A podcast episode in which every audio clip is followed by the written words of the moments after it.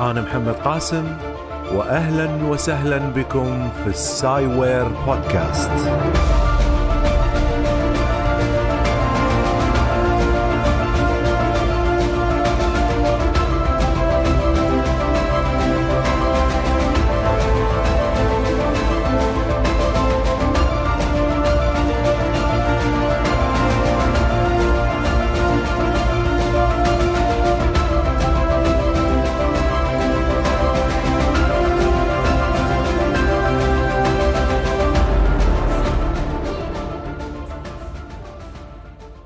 أهلا وسهلا بكم في حلقة جديدة من السايوير بودكاست. اليوم حلقة خاصة ممتازة رائعة جدا ومهمة لأننا نحن الآن على منعطف تاريخي. لأول مرة في تاريخ البشرية نرى بأعيننا ثقب أسود.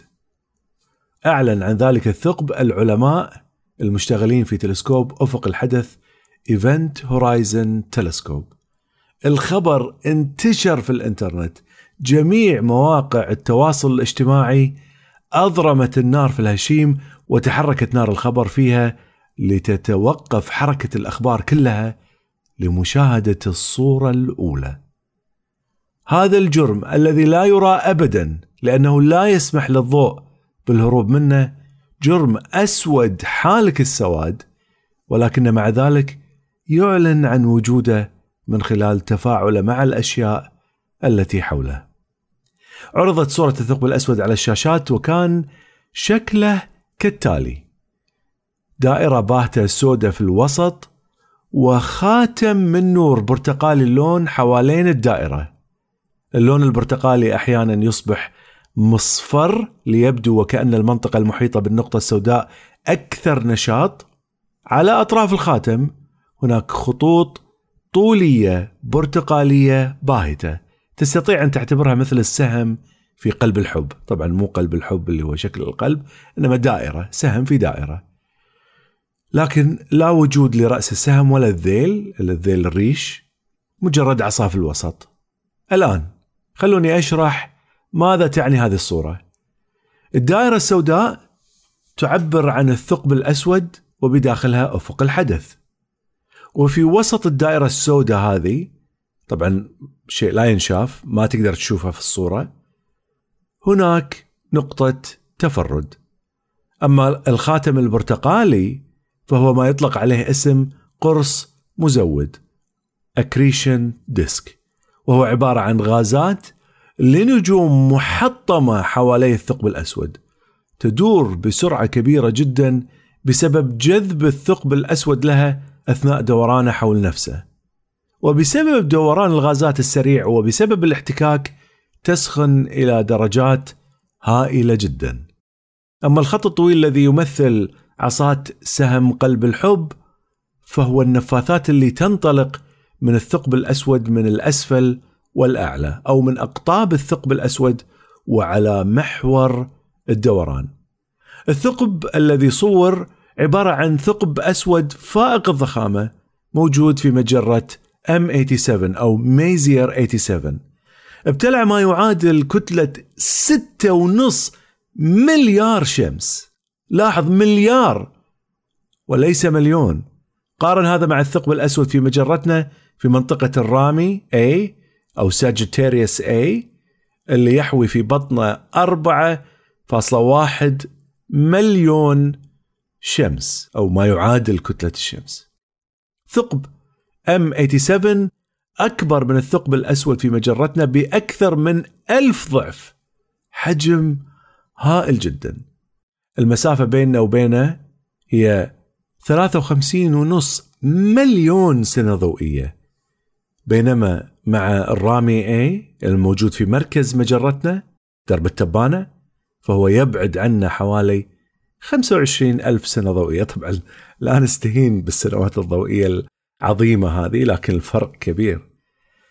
حجم أفق حدث ثقب M87 أكبر من حجم المجموعة الشمسية. تخيل أن المركبة نيو هورايزن اللي قضت 33 سنة للخروج من المجموعة لو إنها حاولت تقطع المسافة بين مركز الثقب إلى نصف قطرة لما خرجت منه حتى بعد سفر طال 33 سنة.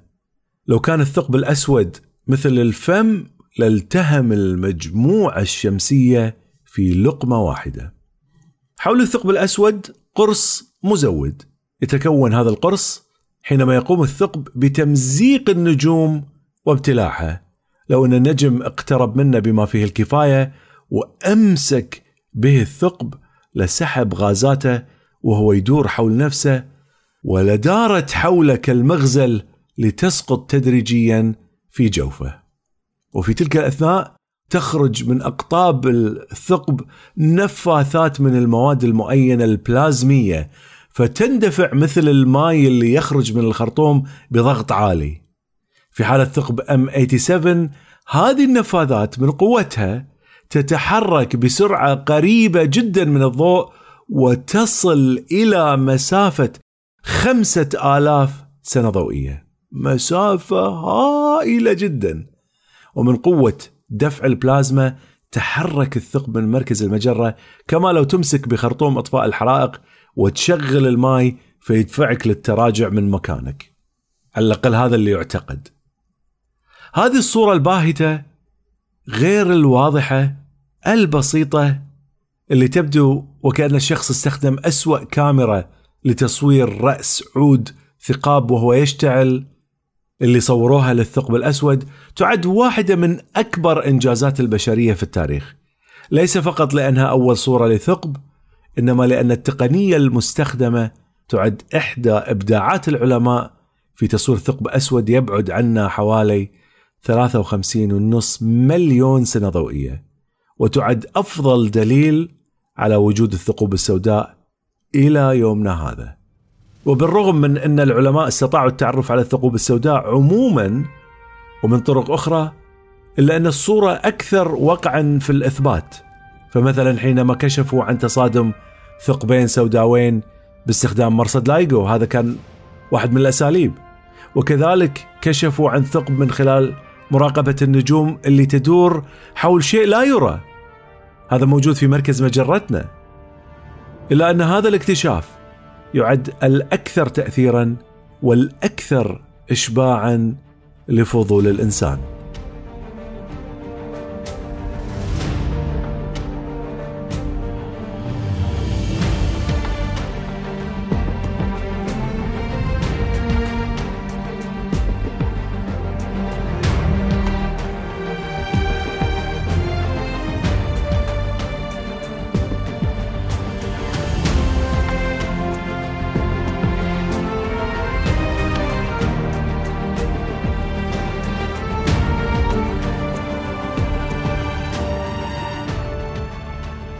لكي نصور أشياء أصغر وأصغر علينا أن نزيد في حجم التلسكوب أكثر وأكثر حتى أقوى التلسكوبات على الأرض لا تستطيع أن تصور برتقالة على القمر. ليش؟ لأن التلسكوبات ليست بالحجم الكافي لالتقاط مساحات صغيرة على السطح. لكي ترى البرتقالة سنحتاج إلى تلسكوب بحجم الأرض كما ذكرت كيتي بومن في محاضرة بتيد إكس في نهاية عام 2016 كانت تصف الطريقة التي يمكن فيها تصوير الثقب الأسود البعيد. راح نأتي لكيتي بعد قليل. ولو أردنا أن نصور الثقب الأسود البعيد لاحتجنا أيضا لتلسكوب بنفس الحجم. ولكن هذا التلسكوب غير متوفر. فكيف استطاع العلماء تصوير هذا الثقب. أعد العلماء سبع تلسكوبات راديوية لدول مختلفة حول الأرض لتوجيهها إلى الثقب الأسود حتى تلتقط الموجات الراديوية القادمة منه. كل منها يلتقط جزء من الصورة وهذا يعني أنهم راح يجمعون أجزاء من صورة الثقب الأسود. تخيل لو أن لديك مجموعة من الثقوب في باب وتحاول أن تعرف ماذا خلفه. أنت تنظر إلى هذه الثقوب من مسافة وتحاول تعرف شو اللي صاير ورا هذا الباب. معلومات ناقصة لأن أنت فقط ترى خلال هذه الثقوب. كل ثقب من الثقوب يطلعك على شيء بسيط مما بداخل الغرفة. الآن أضف لذلك أن الأرض تدور حول نفسها وهذا يعني أن التلسكوبات ستكون في أماكن مختلفة لالتقاط المزيد من المعلومات القادمة من الثقب. كما لو أن لديك القدرة السحرية على تحريك الثقوب في الباب لكي ترى أجزاء أخرى لما خلفه. ومع ذلك حتى مع التحريك تحريك هذه الثقوب آه، الصورة غير كاملة. فكيف استطاع العلماء رسم الصورة الكاملة للثقب؟ هنا يأتي دور كيتي بومن رئيسة فريق البرمجة. لقد قامت بشيء جبار هي مع المجموعة من الناس وهو أنها أكملت شكل الثقب الأسود كما لو أن الشخص لديه قطع من لعبة الصور المقطعة جيكسو بازل. ركبت إضافات لهذه القطع حتى تكمل الصورة. الآن عندنا مشكلة. عندنا عدة تلسكوبات كل منها يحاول التقاط فوتونات قادمة من الثقب البعيد. كيف للعلماء أن يعرفوا في أي لحظة زمنية التقطوا الصورة؟ تخيل لو أنك وضعت عدة كاميرات على قواعدها على الأرض وحاولت التقاط صور لسيارات في شارع مزدحم. ستدمج الصور كلها لتكون صورة نهائية للشارع. لابد أن تلتقط الصور كلها في نفس الوقت. ليش؟ حتى تضمن أن لا تكون هناك صورة لسيارة في تغطية كاميرا وفي الثانية تجد نفس السيارة وقد تحركت إلى الأمام لأن الكاميرا تأخرت في التصوير. لابد من أن تضبط لحظة التقاط الصور كلها في نفس الوقت. وحتى يقوم بذلك العلماء وضعوا ساعات ذرية في كل مرصد من المراصد السبعة اللي التقطت الصور بحيث يجعلوها كلها تتزامن في التصوير مع بعضها بدقة كبيرة. إلى أي درجة هذه الدقة؟ دقة خطأ ثانية واحدة كل عشر ملايين عام. فإذا. عندهم دقة رهيبة. وجه العلماء التلسكوبات إلى الفضاء في أبريل 2017 وإلى حيث كان الثقب. طبعا انتظروا إلى أن طبعا انتظروا إلى أن انقشعت السماء من السحب ومن وكانت نظيفة تماما حتى يقدرون يصورون. وبدأوا بالتقاط الصور. تخيلوا الآن رحلة الفوتون. فوتون من الضوء مر بعراقيل كثيرة. منها الهروب من الثقب الأسود لما كان بالقرب من أفق الحدث. إحنا نعرف إذا الضوء دخل إلى أفق الحدث خلاص انسى لن يخرج. ثم بعد ذلك مر عبر الغازات وبين الحجب المختلفة في مجرة ام 87 وقطع مسافة 53 ونص مليون سنة إلى أن وصل إلى الأرض. ولم تنتهي المعاناة. كادت أن تمتص جزيئات الماء في الهواء ولكنه نجا. لينتهي على إحدى التلسكوبات الراديوية. التقطت معلومات الفوتونات على أقراص صلبة وأخذت بالطائرة لتجمع في مكان واحد. طبعا العلماء ما تمكنوا من نقل المعلومات عبر الإنترنت لضخامة حجمها فقد وصل حجمها إلى خمسة مليون جيجا بايت أو خمسة بيتا بايت كلها تعصر في صورة واحدة لا تعد أكثر من عدة كيلو بايتات شوفوا الفرق.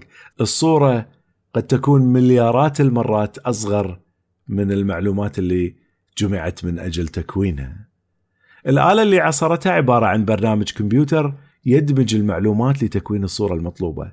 لكن حتى يطمئن العلماء على صحة الصورة اللي ملئت فراغاتها طلبوا من أربع جهات أن تستخدم خوارزميات مختلفة لتكوين الصورة النهائية. بحيث أن ولا جهة من الجهات الأربعة تعرف عن الثانية. كل واحد يشتغل بروحه بطريقته الخاصة وبالنهاية يقدمون الصورة النهائية. وبعد أن انتهت الأربع فرق من تكوين الصورة النهائية تبين أنها أن الأربع صور هذه متشابهة إلى حد كبير. وكان هذا الدليل على أن الصورة الملتقطة هي لثقب أسود. بعد أن حصلوا على الصورة التي تدل على ثقب أسود بقي شيء واحد لابد من التأكيد عليه. هل قوانين أينشتاين تطابق ما كشفت عنه؟ نعم لقد كانت كذلك وهذا انتصار جديد لآينشتاين. هذا الرجل الذي لم يعتقد بوجود الثقوب السوداء بعدما كشف عنها كارل شوارتشيلد كان كارل شوارتشيلد متواجد في ساحة الحرب عام 1916 طبعا هو انضم إلى الجيش الألماني تطوعا وراح إلى روسيا ليقاتل. تمام؟ وفي تلك الأثناء عمل على نظريات أينشتاين وأنشئ القوانين اللي تبين كيف ينحني الزمكان حول الأجرام السماوية. وبعثها إلى أينشتاين. وأخبره في رسالته أن القوانين اللي استخرجها كانت تضفي بريق جميل ووضوح على قوانينه على قوانين أينشتاين. فأعجب أينشتاين بها أشد الإعجاب. وبعد ذلك عمل شوارتشيلد على ضغط المادة إلى حد معين فاكتشف أنها لما تصل إلى حجم التفرد لا يستطيع الضوء الهروب. هني آينشتاين ما اقتنع بالفكرة. لا في ذلك اليوم ولا حتى بعد ذلك حتى إلى نهاية عمره طبعا مسكين شوارتشيلد توفى من المرض بسرعة يعني ما لحق حتى يشوف نتائج معلوماته آينشتاين ما أعتقد أن بإمكان مثل هذه الفكرة أن تتحقق أن تضغط شيء إلى حد كبير إلى درجة انه تكون جاذبية عالية جدا بحيث أن الضوء لا يستطيع الهروب. بعد ذلك بكم سنة بعد وفاة آينشتاين توالت الأبحاث العلمية اللي تدل على وجود هذه النقاط الصغيرة ذوات الكثافة العالية. وبعد ذلك أتى جون ويلر وأسمى هذه النقاط بالثقوب السوداء. أما اليوم فنحتفل بتحول نظرية الثقوب السوداء إلى أثبات مرئي في صورة. اليوم عندنا أول صورة لثقب أسود وهذه الصورة ليست بالوضوح المثالي ولكنها الخطوه الأولى لمشاهدة ما اختبأ في ظلام جاذبيته. الفكرة ليست في مدى وضوح الصورة، الفكرة في كيفية التصوير وفي البرنامج المستخدم لتكوين الصورة. الفكرة ليست في أول صورة إنما في المستقبل الذي سيأتي لنا بصور كثيرة للثقوب السوداء بناء على هذه الصورة. الفكرة ليست في جمع أجزاء الصورة إنما في التعاون بين دول متعددة تحت مظلة العلم لإثبات نظرية.